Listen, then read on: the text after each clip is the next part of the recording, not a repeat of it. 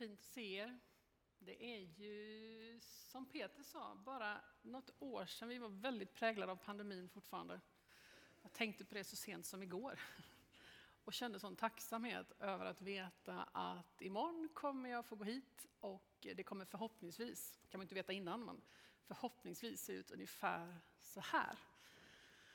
Det fyllde mig med glädje faktiskt. Jag är tacksam. Vi har idag kommit till den tredje söndagen på vårt eh, vintertema, om vi får kalla det så, som har fått namnet Vandringen. Vi har sjungit sånger där ordet vandra har funnits med. Har ni tänkt på det? Eh, och vi har de två liksom, första söndagarna hunnit tala om eh, utrustningen. Utrustningen, allt det där som vi behöver för vår vandring för att den ska bli möjlig och till och med härlig tid för annan. Den där utrustningen som Gud vill ge oss, som han har lovat ge oss. Och vi har också talat om det där med bagaget. Det är det som vi inte behöver. Det där som livet och kanske vi själva har lagt på oss efterhand och som gör vandringen svårare. Och det vill Gud lyfta av oss. Om du har missat någon av de här söndagarna så kan man lyssna på vår webbsida. Gör gärna det. Häng med på den här vandringen. Och idag är underrubriken Korsningen. Det ska handla om vägvalen, det vill säga om hur vi beslutar vart vi ska gå när vägen delar sig. Det där om hur Gud leder oss genom livet i de olika valen vi har att göra och de olika besluten vi har att fatta. Om, om hur vi kan få luta oss mot honom i alla de situationerna. Om att få fatt om Guds vilja för våra liv. Och innan jag fortsätter så vill jag välkomna Sofie fram. Hon ska själv få säga sitt hela långa, extremt vackra namn faktiskt. Sen ska Sofie få dela någonting ur sitt eget liv på det här temat. Ja, eh, jag heter Sofie Drakav Hagelsrum. Jag känner mig lite hes idag faktiskt. Eh, ja, jag ska berätta om en eh, korsning kan man säga i mitt liv eh, som inträffade, nu är det ju såklart ett tag sedan, men det har egentligen inte så stor betydelse. Man kan nog känna igen sig även nu. Det var så att jag hade haft en ganska turbulent tid i arbetslivet. Det var mycket som hade varit väldigt bra och sen hade jag Eh, blivit av med jobbet och så hade jag precis fått ett nytt jobb och eh, jag liksom kämpade väldigt mycket, jobbade väldigt hårt. Eh, det här jobbet hade också inneburit mycket resor, tjänstebil, sådana attribut som många är imponerade av. Och själv så var jag väl lite så här tveksam till vad jag egentligen var ämnad för, så att säga. Om det här verkligen var det jag ville. Men jag jobbade på eh, jättehårt och eh, så var det tid för konferens. En sån här konferens när man liksom får lite mer tid och, och be och, och liksom, ja, lite mer tid än vad jag hade haft innan kan man väl säga. Um, så jag bad och, och liksom frågade väl Gud vad, jag, vad han ville i mitt liv. Ja, det gör man ju hela tiden, så att man kan inte förvänta sig att få svar varje gång. så att säga. Men eh, i det här fallet så var det så att jag liksom fick en sån otroligt tydlig eh, ett svar, verkligen, som var eh, någonting kommer hända med ditt jobb. Och eftersom jag just hade fått det och jag hade hållit på och strävat med det hela våren så kändes ju det egentligen bara kanske spännande. För att, eh, ja, det var ändå ett svar. Men eh, budskapet var, kan man säga, någonting kommer hända med ditt jobb, men oroa dig inte, jag har allt under kontroll. Eh, ja. Sen kom jag tillbaka till jobbet eh, och då hade en, eh, banken som det här företaget hade, den hade dragit in en kredit. Så företaget var plötsligt eh, i, liksom i risk för konkurs. Så där liksom från en dag till en annan, som kan hända ibland. Och jag var ju sist anställd och hade dessutom provanställning. Så jag blev av med jobbet på dagen. Så från att liksom prata med kunder på förmiddagen så bara rensade jag mitt skrivbord ungefär som en amerikansk film, ni vet. När de bara tar sin lilla låda där och sin lilla liksom, blomma och så går de. Ja, så det var en väldigt märklig situation som jag liksom inte hade kunnat förutse. Ingen hade kunnat förutse, tror jag. Och eh, det var ju liksom chockartat såklart. Men konstigt nog då så kände jag ju inte kanske så... Jag kände ju mig chockad, jag hade inte förväntat mig att det skulle hända, men jag kände mig liksom inte så stukad, utan jag kände ändå att jag kände mig upprymd, därför att jag hade ju fått det här liksom till mig, att Gud hade en, en plan, en annan plan, och att Gud hade kontroll på det här. Så det var verkligen eh, en korsning, det var verkligen ett vägskäl som innebar att jag eh, tog helt andra vägar och tog andra beslut sen. Och det, det gjorde en jättestor skillnad för mig. End of story. Tack. Gud visade sin omsorg ja. och att han stod med dig i korsningen och han visste om den i förväg. Verkligen. Så där som han gör. Mm. Härligt, tack. Tack Sofie.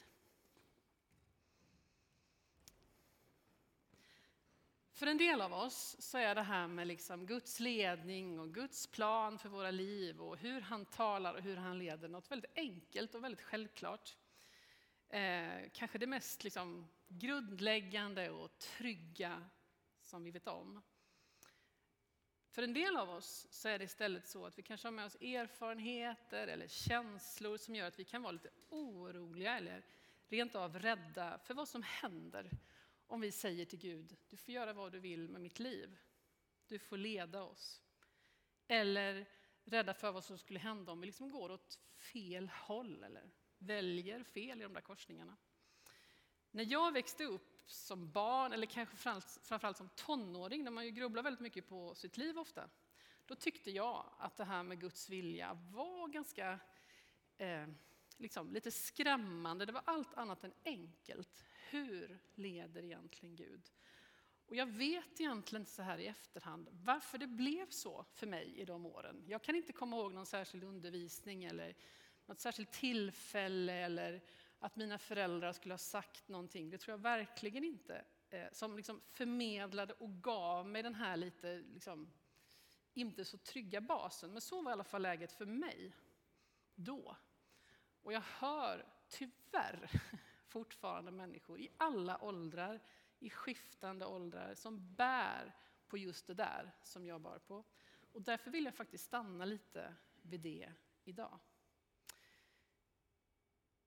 När jag växte upp så var det liksom på tre sätt som jag tyckte att det här var lite svårt. Och jag ska bara rada upp dem. Eh, jag var rädd för vad som skulle hända om jag sa till Gud, du får leda mig vart du vill.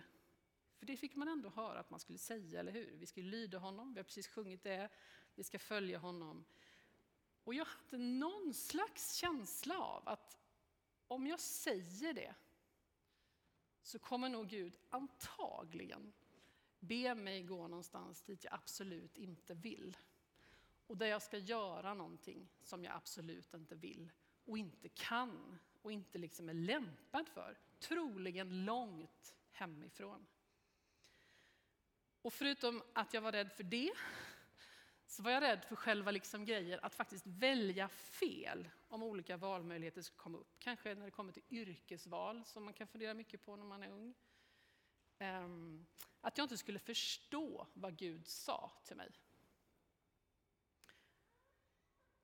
Jag var rädd för att råka ta fel beslut så att också resten av livet efter det skulle liksom barka fel, liksom lite för mycket åt öster resten av livet. Um, och sen trodde jag för det tredje att, att överhuvudtaget få fatt om vad Gud säger och vad han vill, det är svårt.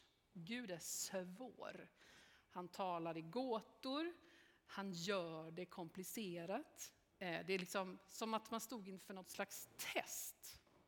Och att Gud snarare vill dölja sin vilja än liksom visa sin vilja. Och ni hör ju att det här säger ganska mycket om vad jag, vad jag liksom tänkte om Gud i allmänhet. Alltså jag var rädd för vad Guds plan skulle kunna vara. Eh, det var rätt troligt att det skulle vara tvärt vad jag skulle vilja. Jag var rädd för att välja fel och att det skulle bli fel hela fortsättningen. Och så tänkte jag också att det dessutom skulle vara svårt att uppfatta vad han överhuvudtaget säger. Så nu tänkte jag bara säga några enkla saker utifrån några enkla bibelverser som jag önskar att jag hade fått till mig mycket tydligare då. Du som är van bibelläsare kommer känna igen de här bibelverserna. De är nästan allihopa sådana här som har funnits broderade på en annan köksvägg. Eh, de är kända och det finns en anledning till det. De kommer inte på väggen, så ta gärna fram en bibel i någon form och så ska jag försöka säga det tydligt så att ni får med er. Jag ska börja med att gå till Jeremia, Gamla Testamentet, Jeremia 29. Jeremia är en profet som verkar i en tid när Israels folk är i en väldigt svår situation.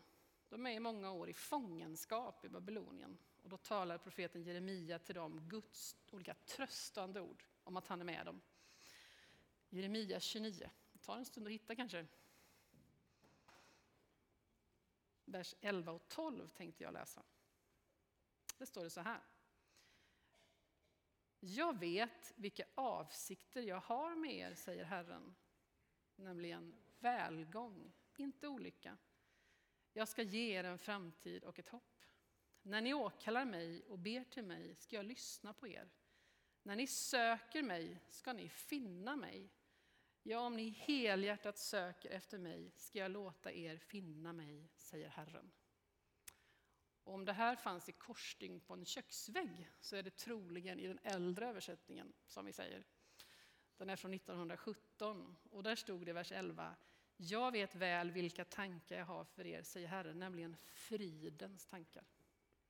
Han vill ge oss en framtid och ett hopp. Gud vill oss väl. Det var det jag kanske inte fattade när jag var ung. Han älskar oss, han vill, han vill att vi ska leva ett liv i frid och i frihet. Det var till det han liksom skapade människan. Han önskar att vi skulle få blomstra, få älska och bli älskade. Han tänker inte vara krånglig. Hans tankar för oss är frid och framtid och hopp, inte krångel. Hans önskan för oss är frid. Han tänker fridens tankar. Det är det han vill med vår vandring. Nästa lilla bibelord, lite längre fram i Jeremia. Fortfarande talar Jeremia till folket i fångenskap. Jeremia 31 och vers 9. Jag kommer läsa folkbibelns översättning. Så här säger Gud om folket genom Jeremia. Gråtande ska de komma, men jag ska leda dem där de går bedjande fram.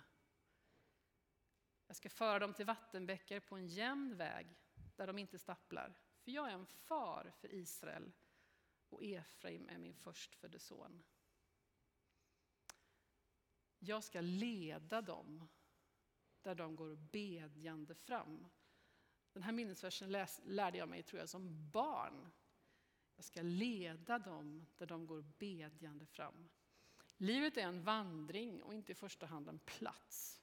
Livet äger rum på en väg i rörelse. Vi vandrar där tillsammans med varandra men också med Gud själv. Steg för steg, ett i taget. Och när vi vandrar ett steg i taget och är i bön. Om vi går bedjande fram, det vill säga i samtal med Gud, i gemenskap med Gud, så leder han oss. Det är väldigt så här, om A så B. Vi går tillsammans, vi och Gud, och vi hör varandras ord. Och Gud vill göra den här vandringen med oss. För han har liksom inte tänkt någonting annat än att det här handlar om en relation med honom själv. Där vi får samtala, umgås och där vi tillsammans får liksom brottas med kanske, fundera på vad blir egentligen bäst väg? Gud vill lyssna på dina drömmar. på din längtan och så känner han dig mer än vad någon annan känner dig. Och han känner dig mer än du känner dig själv. Och utifrån den enorma kunskapen om dig så vill han också i sin tur tala in i ditt liv, in i din längtan och in i dina beslut. Vi går med honom, bredvid honom och vi gör det i bön. Alltså i samtal och gemenskap. Och då kan vi uppfatta vart han leder oss medan vi går ett steg i taget. Filipperbrevet i Nya Testamentet, ett av de där små korta breven efter några av de långa breven. Där skriver Paulus så här i kapitel 2, Filipperbrevet 2 och vers 13. Det är också från folkbibeln. En kort mening därur. För det är Gud som verkar i er, både vilja och gärning, för att hans goda vilja ska ske. För det är Gud som verkar i er, både vilja och gärning, för att hans goda vilja ska ske. Gud verkar i vår vilja. Det är som att när vi liksom går de där steg för steg, när vi går bedjande fram, när vi är nära honom, så liksom sätter han sin prägel på oss allt mer. Vi blir mer lika honom och hans tankar, hans fridens tankar, blir allt mer liksom vår egen botten på något sätt. Och det är som att han väntar på oss i alla de här korsningarna. För han vill verka i vår vilja, i våra tankar. Han vill förbereda oss som han gjorde med Sofie. Och han låter oss samla på oss liksom, erfarenheter och lära känna honom som gör att vi så småningom kan göra ett visst val. Han vill samarbeta. Och det är inte som att han så verkar i vår vilja, han är liksom inne och rotar som någon slags hjärnkirurg och bara ändrar om grejer mot vår vilja och trycker på rätt knappar så att vi ska bli medgörliga. Nej, så är det inte. Han vandrar med oss och han lyssnar och vi samarbetar. Han verkar i vår vilja. Så vi får inte liksom en sorts bara överman som är inne här och liksom rotar runt. Utan vi har en vän som präglar oss med sina egna tankar. Eh, vi har bott, vi som familj har bott i Linköping nu i sex och ett halvt år. Det är både länge och jättekort. Eh, och innan dess bodde vi i Malmö, för er som inte vet det. Där hade jag bott i många, många år. Där hade jag bildat familj, där var mina barn födda och vid det här laget så var de 12 och 14. Vi hade det bra på alla möjliga sätt. Hade just byggt ett växthus. Eh, hade just fått nya spännande kollegor. Eh, hade jobbat jättelänge i den församlingen men var inte alls på väg därifrån. Allt var liksom väl och bra. Så kommer det en fråga från en församling i en helt annan stad, nämligen Linköping, där jag knappt hade varit. Det låg inte vid havet. Jag kände nästan ingen i Linköping.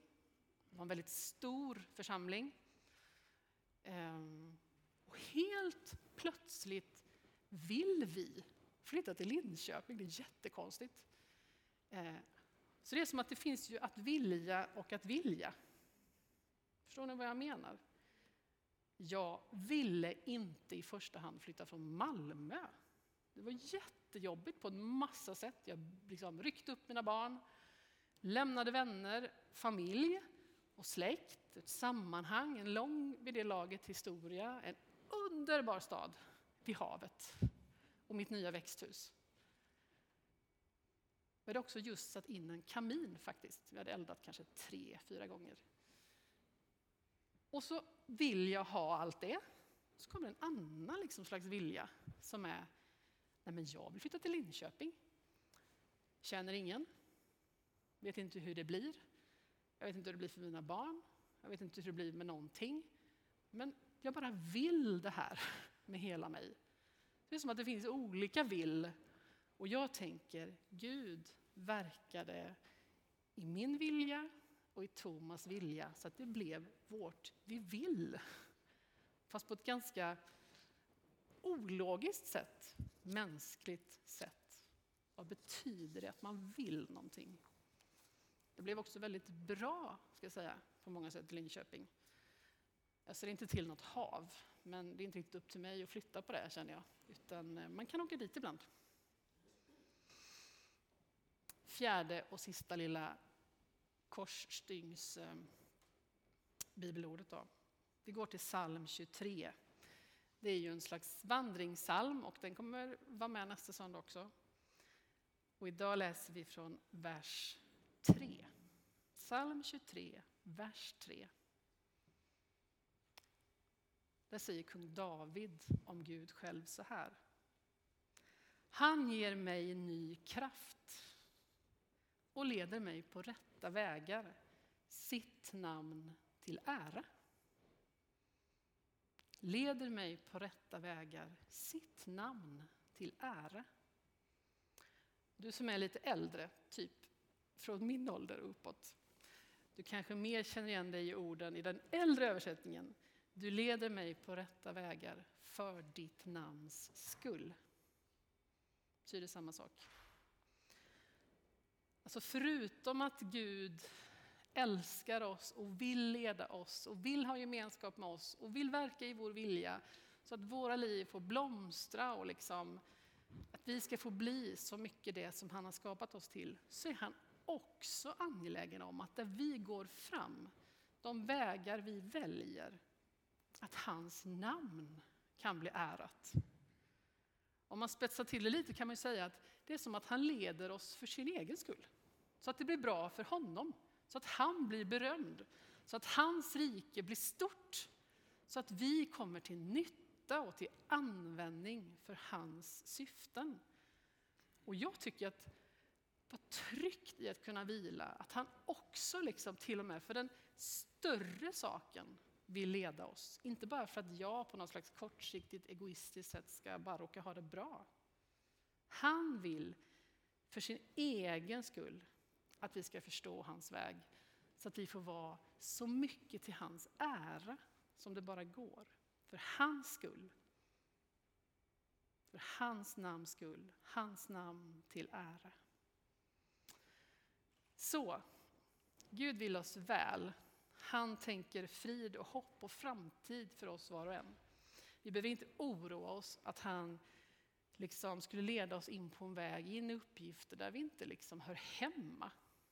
Där vi inte vill vara. Där vi inte passar in. Som vi inte har fått gåvor för. Han vill visa sin vilja. Och han vill få oss att förstå vad han tänker genom att vi vandrar bedjande fram i gemenskap med honom. Och han verkar hela tiden i vår vilja. Så att vi förflyttar oss från det där som vi kanske korttänkt och egoistiskt vill till en sorts oj, jag vill ju det här dit Gud leder.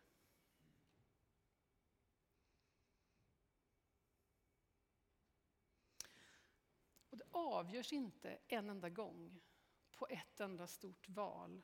Och blir det rätt så blev livet bra. Och blev det fel så blev livet dåligt.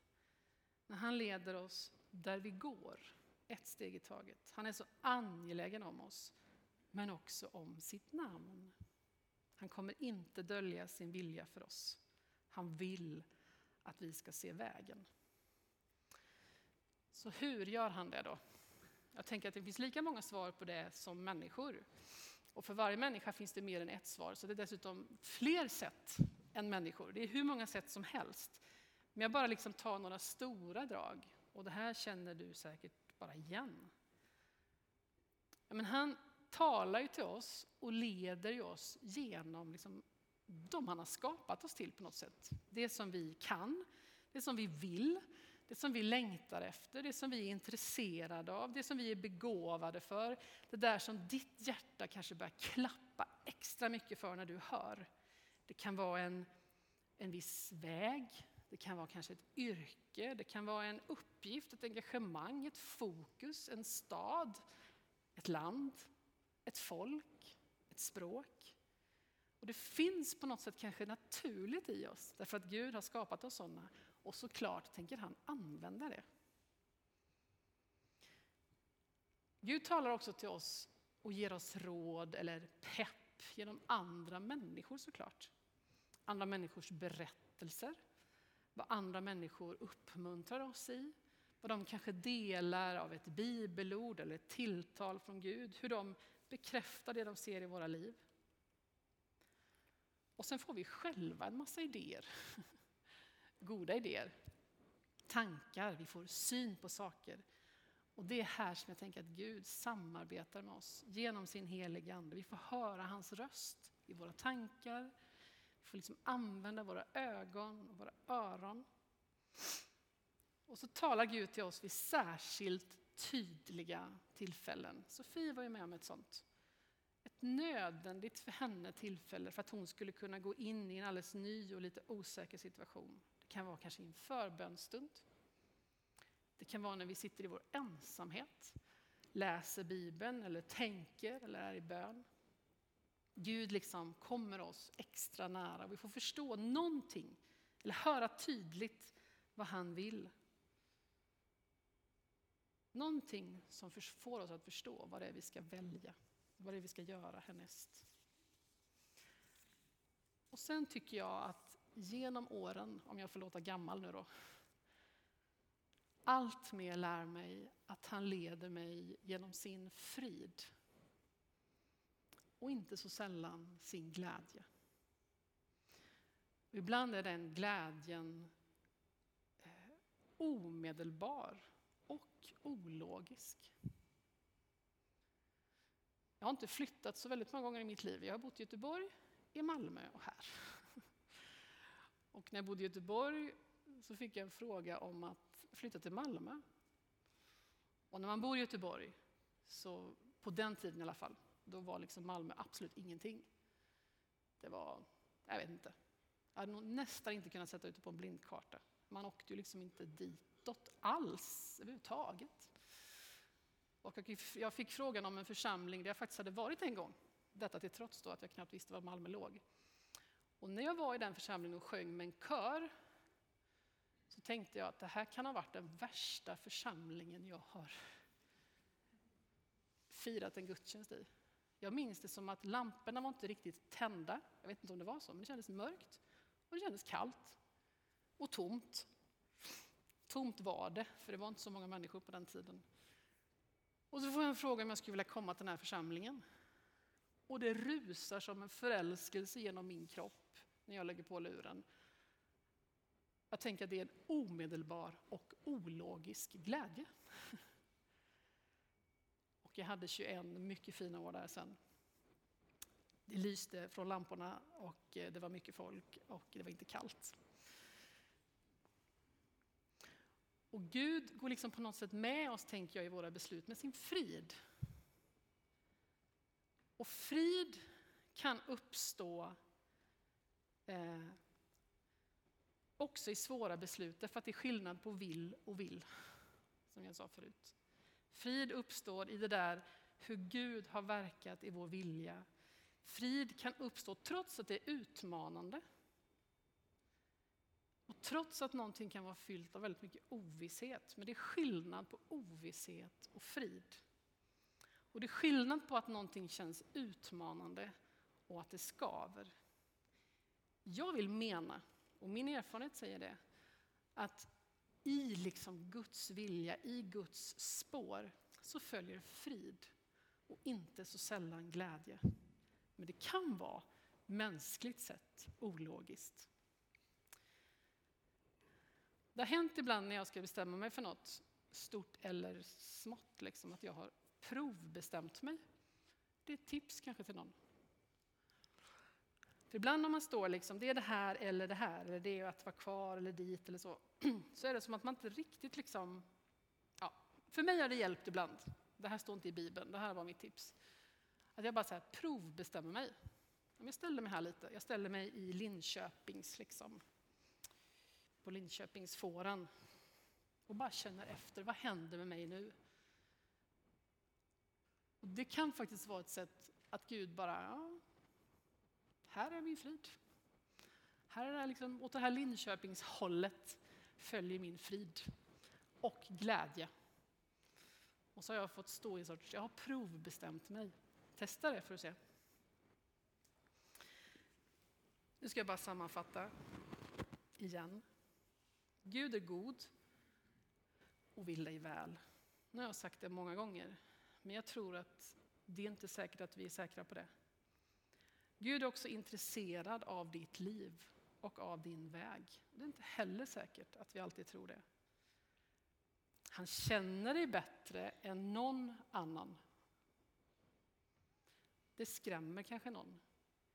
Men jag vill berätta för dig att det är helt underbart. Han känner dig bättre än någon annan och han känner dig bättre än vad du gör själv. Och har du någon gång känt, just nu begriper jag mig inte riktigt på mig själv, så kan du veta att han känner dig bättre än du själv. Han har tiden i sin hand och han står utanför tiden. Så han kan hela din historia och han kan hela din framtid. Han vet det bättre än någon annan. Han vill att du ska vandra nära honom. Han vill att du ska tjäna med dina gåvor som han har gett dig. Han vill att du ska använda dig av din personlighet, av din längtan. Att du ska få betyda någonting för, här, för den här världen. Och han vill faktiskt att vi ska få njuta av livet. Han satte människan i en lustgård. Och han vill också att vi ska få erfara hans trofasthet när livet inte är så njutbart. Han vill ditt allra bästa. Därför kan du och jag i varje skede i livet, när vi är unga, medelålders eller gamla, både tryggt och nyfiket söka hans vilja för våra liv. För han vandrar med dig och han väntar med dig i varje korsning. Om det är en T-korsning eller en flervägskorsning eller om vägen ser ut att bara ta slut. Det går inte ens att upptäcka vart den tar vägen. I varje sån korsning, i varje sånt välval, vägval står han där med dig. Och han ser vägen och han vet vägen. Jag skulle vilja säga bara till slut, särskilt till dig som oroar dig för, eller som faktiskt är övertygad om att vid någon av korsningarna bakåt så blev det fel. Eller det blev åtminstone mindre bra.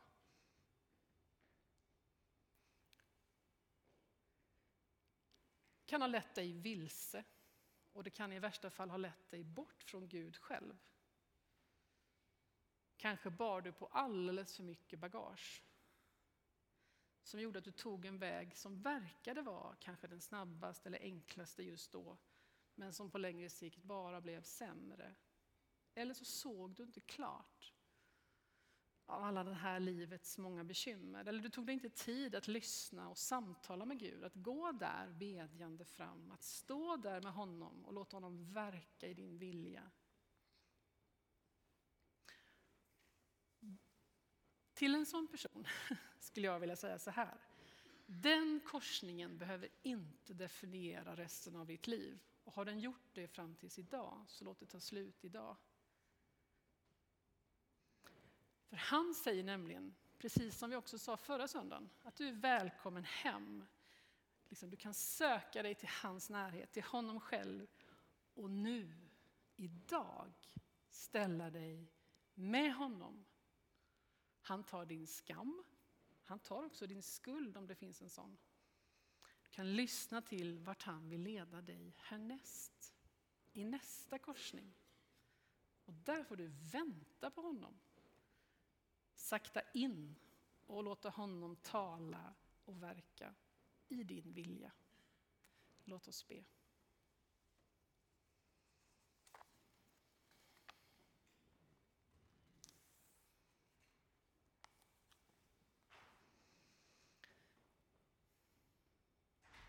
Herre, tack för att du vandrar med oss. Du tycker så mycket om det. Du har skapat oss till gemenskap med dig och du har så mycket tankar om våra liv. Så många goda tankar, fridens tankar, framtidstankar, hoppets tankar. Och vi får liksom vandra den här vandringen tillsammans med dig. Herre, tack att det finns liksom ett sånt... Eh, det finns så många vägar, det finns så många möjligheter att få hamna rätt igen. Om det nu faktiskt är så att nej, men det blev tokigt. Tänk att du står här idag och du bara säger ställ dig här hos mig. Då pekar jag, så går vi. Tack att du har en tanke om precis varenda person som är här inne. Eller som lyssnar på närradion. Det finns ingen som du inte har en tanke om. Du har ett syfte, du har en plan, du har fridens tankar. Du har spännande vägar. Du har utmanande vägar. Du har vägar som liksom är lämpade för de vi är, för det vi kan, för det vi kan bli.